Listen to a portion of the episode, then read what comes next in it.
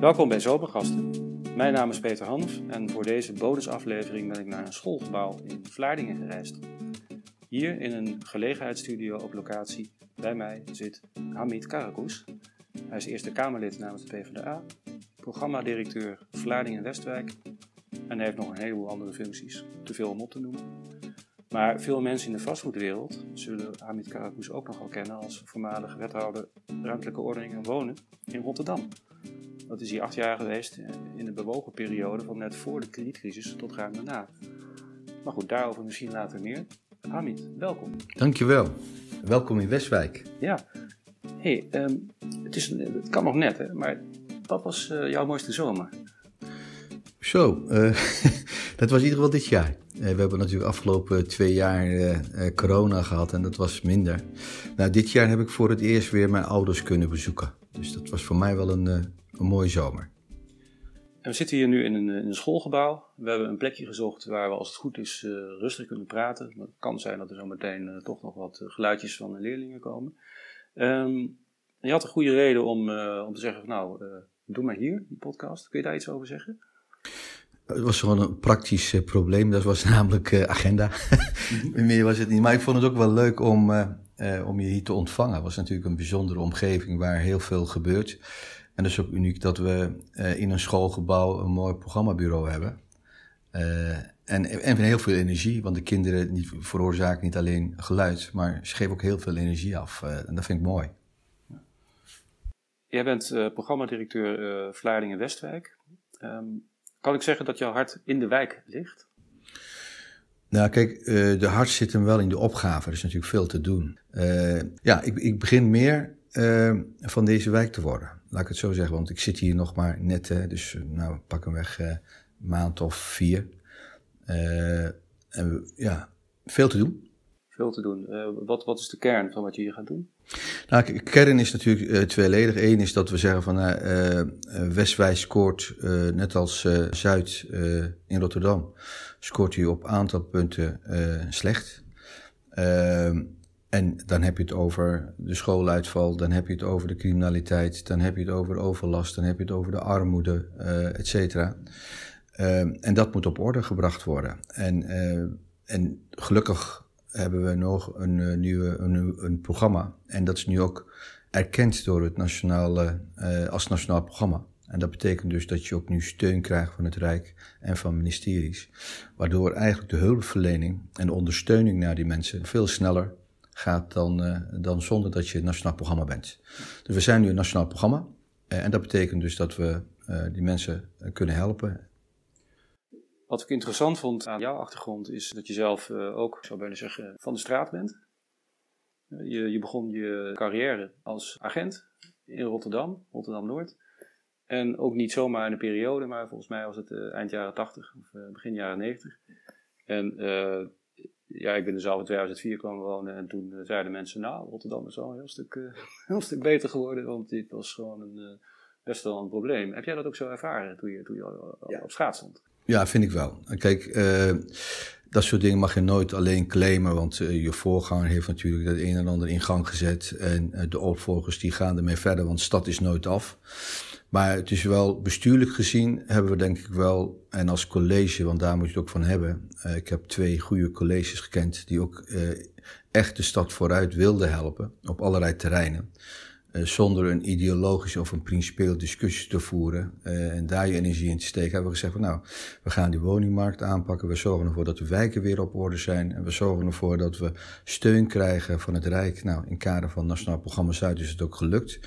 En tijdens de crisis hebben we gezegd van nou, we gaan gewoon doorbouwen. Uh, ik geloof namelijk in anticyclische aanpak. Uh, en dat was natuurlijk met crisis, bouwcrisis net zo. Rotterdam bouwde wel door. Uh, en dat zie je nu wel, hoe hard dat nodig was. toen begreep daar heel weinig mensen van waarom je nou bouwde. Omdat men dacht van, we bouwen voor de leegstand. Maar het blijkt nu dat je dus eigenlijk nog meer uh, had moeten bouwen en anticyclisch had moeten bouwen. Dus ik heb daar goede herinnering aan, eerlijk gezegd. En ook heel veel van geleerd. En ik denk dat we ook de stad ontzettend vooruit hebben geholpen. Samen met de marktpartijen, de coöperaties. En uiteraard de bewoners geloofden daarin. Eh, anders kun je het ook die aanpak niet. Hè. Als je mensen van Katendrecht daar niet in geloven, dan heb je een probleem. Als mensen van Spangen daar niet in geloven, heb je ook een probleem. Dus al die mensen, betrokken partijen meenemen, nou, daar zijn we denk ik wel uh, mooi en goed succesvol in geweest. En heb je iets kunnen meenemen van je ervaring als, eh, als agent? Ja, kijk, waarom ben ik uh, eigenlijk vastgoed ingegaan? Dat, dat was uh, ergens in uh, 98, want ik heb toen agent, hoofdagent brigadier in Schiedam. en de bedoeling was dat ik verder zou, opgeleid zou worden binnen de politieorganisatie. En daarvoor eh, moest ik stage lopen bij een, eh, bij een bedrijf, bij een onderneming.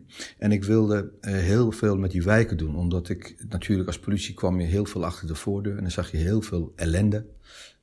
kinderen die niet meer trots waren op hun, op hun wijk. nou, en dat, dat, dat deed wat met mij. dus toen zag ik kans in 98 om te zeggen, nou, wij moeten met die wijken integraal, wat dus een mooi woord is, maar dat, hoe doe je dat dan? En er waren ook heel veel wijken waar alleen maar fysiek, hè, dus met andere woorden, sloopnieuwbouw werd uh, gerealiseerd, maar weinig aan sociaal problematiek uh, gedaan werd. Nou, en dat wilde ik dus integraal, sociaal, fysiek, economie, veiligheid, dat vind ik belangrijke pijler van de aanpak. En daar ben ik mee begonnen in Millingsbuurt. Nou, dat was een, een succes. Nou, dan groei je uit en dan uh, ga je naar Den Haag en dan ga je naar uh, Amsterdam, Utrecht en al die oude stadswijken. Daar mag je mee bemoeien. En zo kom je eigenlijk ook uh, met bestuurders en coöperaties en met vastgoedmensen in, in aanraking. Zo is het eigenlijk ontstaan. En sindsdien ben ik dus eigenlijk in vastgoed bestuurlijk, want ik ken de vastgoedwereld heel goed. Ik ken de bestuurlijke kant, gemeente ken ik heel goed. Ik ken de veiligheidskant heel goed. Uh, nou, en dat breng je als persoon breng je dat bij elkaar. En, ja, en dat is eigenlijk wijkaanpak. En dat als je dat geprojecteerd op de wijken waar sociaal aangepakt moet worden, veiligheid en fysiek. Nou, dat, ja, dat vind ik mooi. Dus eigenlijk is het begonnen om te zeggen van nou, dit moet ik niet als persoon meer accepteren dat mensen in de ellende leven. Zo is het begonnen. En dat heb ik me voorgenomen en sindsdien uh, probeer ik uh, als mens overal uh, aan tafel te komen waar iets aan gedaan moet worden om achterstand van mensen en ellende van mensen weg te werken. En wat was het mooiste moment? Uh, in, in je bent acht jaar uh, wethouder geweest. Wat, wat is nou iets waar je met, het meeste plezier aan, aan terugdenkt? Nou, het meeste plezier vond ik. ja, er zijn natuurlijk meerdere momenten, maar dat we dus eigenlijk er voor elkaar hebben gekregen dat we in de crisisperiode toch met heel veel partijen uh, oplossing hadden en anticyclisch verder gingen bouwen. Denk aan gebouw de Marktal, denk aan uh, Calypso, denk aan gebouw de Rotterdam, maar denk ook aan de wijken zoals Katendrecht, uh, Krooswijk, die dus gewoon verder zijn doorontwikkeld, terwijl in de rest van Nederland alles stil lag en bewust, bewust ook stilgelegd werd. En wij vonden het anders. En, en waar ik meest trots op ben, dat we niet alleen de marktpartijen, coöperaties, maar ook de raad en college daarvan overtuigd hebben. We hadden daar ook, en daar waren we uniek, dat we dus ook een fonds hadden ontwikkeld om dat voor elkaar te krijgen. En, en achteraf uh, zegt iedereen van nou, dat hadden we hadden meerdere steden moeten doen. Als we dat hadden doorgezet, hadden we nu geen problemen binnen de bouwsector. Hè? Want een van de redenen waarom we doorgingen was hoe houden we ketenoverheid, bouwsector overeind. Want anders gaan die mensen ergens anders werken. Architecten uh, gaan dan iets anders doen. En voordat je dan de hele keten weer op orde hebt, de ambtenaren gaan dan iets anders doen met deskundigen. Ja, dan ben je wel jaren verder. Nou, dat blijkt dus achteraf dat dat waar was. Maar op dat moment was het ingewikkeld om dat over te brengen. Hè? Want aan de ene kant moest je als gemeente bezuinigen uh, in verband met de crisis. En aan de andere kant zei je van wij moeten doorbouwen. En de markt en alle wetenschappers gaven aan van nou, die zijn helemaal gek geworden in Rotterdam, want je bouwt voor leegstand. Dus uh, daar ben ik blij om dat we dat uh, overeind hebben gehouden. Dat heeft de stad ontzettend geholpen, maar had wel meer gekund. Uh, je ziet de, de, de, leegloop bij grondbedrijven, projectontwikkelaars ook als een belangrijke oorzaak voor de bouwproductie nu, dat die niet, niet hoog genoeg is. En dus ook voor ja, woningnood. Ja, dat is zeker, want uh, waar, waar natuurlijk bouwen, uh, goed, er zijn natuurlijk verschillende dingen wat er aan de hand is, maar onder andere is de arbeidsmarkt. vind maar een deskundige. Maar dat, dat geldt ook voor de gemeente. vind maar het een juiste ambtenaar die ook verstand heeft van ruimtelijke ontwikkeling of van juridisch. Die zijn allemaal weg. Die zijn allemaal vertrokken. Omdat vanwege de crisis iedereen de bouw stol, stillegde. En, ja, en dan was je zogenaamd overbodig en dan moest je vertrekken. Heb je enig idee waar die mensen gebleven zijn? Ze zijn allemaal naar andere sectoren gegaan. Uh, nou, dus ja, ze hebben allemaal een andere baan. en, en niet meer terug te halen? Nou, misschien ook wel. en dat zou wel een inzet kunnen zijn. maar ja, sommigen zijn natuurlijk inmiddels met pensioen. En kijk, je hebt ook geen nieuwe mensen aangenomen. Hè? Dus je, moet zorgen dat je dus op tijd ook je mensen aanneemt die, het, die ervaring opdoen en, en dingen overnemen. Dat is niet gebeurd, omdat iedereen wilde saneren. Uh, moest er meer gebouwd worden. Nou, de grondposities werden weer uh, vrijgegeven, bij wijze van spreken. Bestemmingsplannen uh, werden niet meer opgesteld. nou, en daar heb je nu op allerlei punten, de arbeidsmarkt, heb je achterstand nu. En dat heeft inderdaad ertoe geleid, naar mijn mening, tot krapte op de woningmarkt. Dus, en dat zagen we in Rotterdam wel aankomen. En vandaar dat we zeiden van ja, je moet doorbouwen. Maar ja, veel steun had je er niet voor. Uh, maar gelukkig op Rotterdams niveau hadden we de steun wel van, uh, uh, van de raad en van, van het college.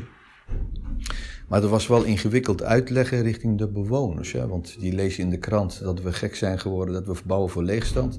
En volgende dag in dezelfde krant staat dat we moeten bezuinigen. Hè? Dus daar is ook een heel veel misverstand over hoe de financiering is. Want ja, het, als de ontwikkelaar ontwikkelt, je faciliteert, hoeft de gemeente geen geld te kosten. Uh, maar dat was een moeilijke periode. Maar ik sta er nog steeds achter. En uh, heel veel gemeenten hebben nu wel spijt van dat ze niet door zijn gegaan met bouwen. Uh, en voorbereiden. Want zo'n grondpositie voorbereiden om te bouwen, dat kost je ook zeven jaar. Hè? dus wil je inhaalslag maken, dat kost je jaren. nou, grondpositie, arbeidsmarkt, ga zo maar door. Expertise, deskundigheid.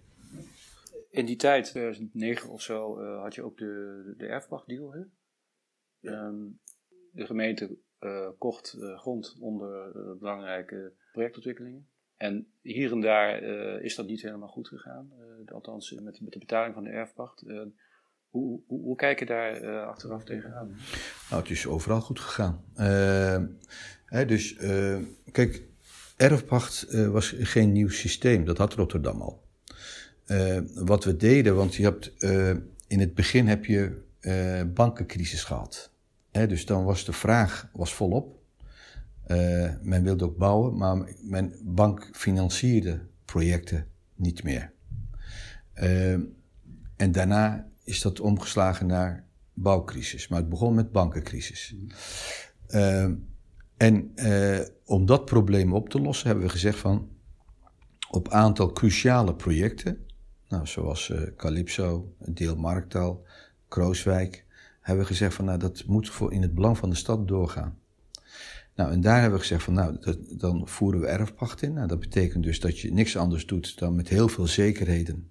En ook zekerheid dat het ook gebouwd wordt, want dat is wel een voorwaarde geweest. Uh, dan uh, koop je de grond terug tegen een bepaalde waarde. Nou, en, en, en dat geld gebruikt dan de bouwer om verder te bouwen en te ontwikkelen. En geld uh, werd dan met een bepaalde renteopslag werd dat terugbetaald. En zodra de bouw klaar was, dan kreeg je het totale bedrag terug. En die zekerheid had je omdat je uh, borgstelling als gebouw, grond, et cetera had. Dus ja, daar is op zich niks, uh, niks misgegaan. Uh, iedereen heeft keurig terugbetaald. Ook LSI voor het Nou, LSI is een andere casus. Ja, dus uh, dat gaat nu denk ik te ver om. Want uh, dat, had je ook mee te maken van uh, dat ze niet op tijd begonnen zijn met bouwen.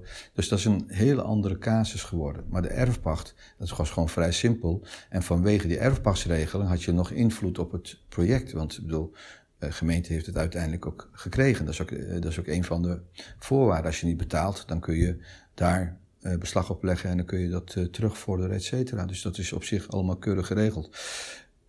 Maar het heeft, die ontwikkeling heeft langer geduurd dan verwacht. Dan krijg je een andere uh, financieel plaatje natuurlijk.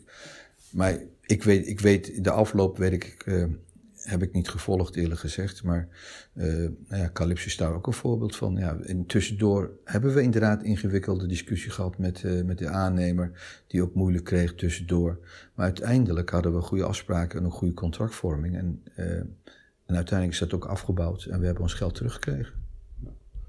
Wat, wat was voor jou het, het pittigste moment in je, in je wethouderschap? Ja, uh, dat was toch uh, het pittigste moment. Was toch die periode van hoe. Want we hebben natuurlijk. ja, ik heb nog meer crisis gekend. Er was een bankcrisis, bouwcrisis, maar denk ook aan Vestia-problematiek. denk ook aan woonbronproblematiek, hè, dus Rotterdam. ja, en we hadden ook Denk aan andere coöperaties die financieel ook niet heel, heel goed voorstonden. nou, en dan nog de stad verder ontwikkelen. wat, je, nou, wat je droom eigenlijk is. Ja, dat zijn wel, alle, eigenlijk kwamen die, al die dingen wel bij elkaar. En dat was pittig om dat overeind te houden. Maar ik moet zeggen van, als je kijkt van wat er gebeurd is en hoe ingewikkeld het was. Ja, en daarom ben ik ook zo trots op dat ze zeggen, nou, we hebben het zo weer voor elkaar gekregen. Dan nog door kunnen bouwen, dan nog uh, die gebieden door kunnen ontwikkelen, uh, et cetera. Had het meer gekund en meer gewild? Ja. Ja, dus dat waren wel pittige momenten. Ik heb alleen maar pittige periodes gekend. Dus achteraf denk van, nee, ja. maar wel leuk. Bestuurlijk is dat natuurlijk hartstikke leuk om dat mee te maken en daar toch mee aan de slag te gaan. Ja, als je nou naar nu kijkt, het is totaal anders. De markt ligt er totaal anders bij, maar toch lijkt het, als je de kranten leest, of de vlammen uit het dak slaan. En dan zit het voornamelijk in de, in de bouwproductie. Zie je nog op de een of andere manier parallellen in de manier waarop we met, met de opgave omgaan? Ja, nou kijk, Eigenlijk doet de oorzaak niet, hè, want uh, kijk, oorzaak nu is, eigenlijk is het te gek voor woorden. Hè. De, vroeger, toen met de crisis waar ik het over, over sprak, had je te maken met vraaguitval. Hè. En nu hebben we eigenlijk heel veel vraag en weinig aanbod. en toen was de zorg van veel aanbod, weinig vraag. En nu zit het andersom. Aan de andere kant Parallel is wel dat we ons laten leiden door uh, cijfers en met alle respect door wetenschappelijke onderzoeken. Uh, wat eigenlijk ook nooit uitkomt. Hè? Dus toen, toen in die crisis, dus, zei men van nou, we, we, hebben een overaanbod, dus dat moest overal gesaneerd worden. Nou, al die grondposities moesten, moesten terug of een andere bestemming krijgen, want we zouden een overaanbod hebben. Nou, daar heb ik nooit in geloofd. Hè? Vandaar dat we zeiden we moeten doorbouwen. En nu en, eh, en, en we zijn nog niet eens tien jaar verder. En nu hebben we in één keer 1 miljoen woningen tekort. Nou, wat is dan in tussentijds gebeurd? Dus zeggen van nou, die 1 miljoen woningen, eh, 1 miljoen mensen kennelijk, of meer mensen, die, die hebben nu geen woning ergens. Dat zou je kunnen zeggen. Overal aanbod was het ook niet. Maar de discussie ging, eh, naar mijn mening, eh, werd er verkeerd gevoerd. Hè? Want die woning heb je nodig. Alleen je had een overaanbod in de koopwoning, in de koopsector omdat mensen werkloos raakten en geen vertrouwen hadden, et cetera. En de banken niet, eh, geen hypotheek meer verstrekten of lastig deden. Dus, maar je hebt altijd een woning nodig. Dus wij moeten ook een, en dat hebben we niet geleerd, uh, wij moeten zorgen dat we één systeem hebben dat het eigenlijk niets uitmaakt of het nou huur of koop is. Want je zal altijd momenten hebben waardoor meer vraag komt naar huurwoningen. En je zal momenten hebben waar vraag komt naar koopwoningen. En ons systeem is dus daar echt gescheiden in. Uh, en, en dat moet anders. Als je zegt van nou, hoe kunnen we voorkomen dat we volgende crisis terechtkomen. Wij moeten zorgen dat we constant doorbouwen. Want die, productie die we kunnen realiseren, is onvoldoende, want we hebben het niet alleen over de behoeften, maar je hebt ook over herstructurering, je hebt ook over vernieuwing, et cetera. Uh, dus je hebt de constante productie nodig.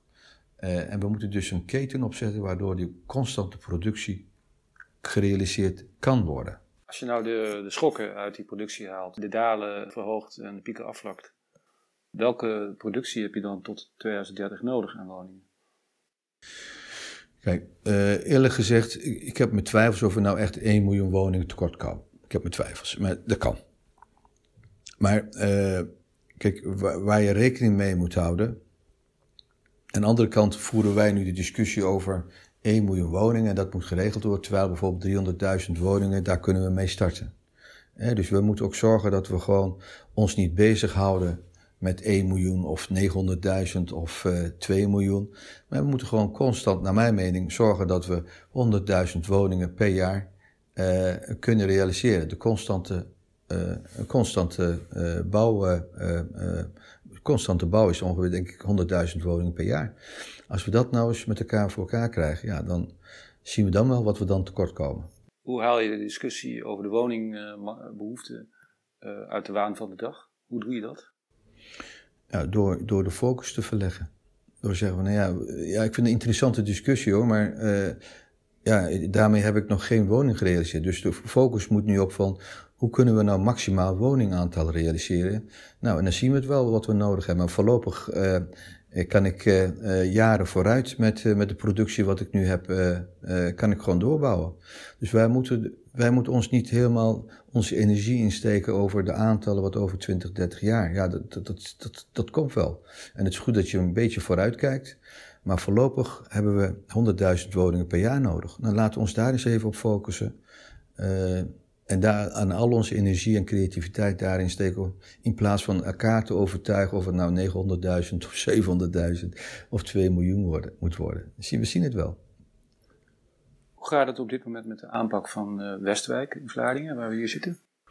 Ja, we zijn, uh, uh, naar mij als programmabureau, uh, zijn we nu bezig om het programma, want we zijn drie, vier maanden bezig. Dus het programma komt rond. Ergens in oktober wordt het vastgesteld en in november wordt het, gaan we mee aan de slag. Hè? Dus de uitvoering komt in november. Dus de mensen op straat merken er nog weinig van. Uh, en dat, is, dat kan ook niet anders, want we moeten onze stakeholders uh, uh, en de partners allemaal op één lijn zien te krijgen. Nou, dat, dat lukt. Ik vond zeggen van, tot mijn blije verrassing zie je gewoon dat de wil bij de partners er is. Hè. Dan hebben we het over de onderwijs, sport, cultuur, politie, openbaar ministerie, coöperatie. Dus al die organisaties en de belangen daarvan moet je op één lijn zien te krijgen. Dat is echt gelukt.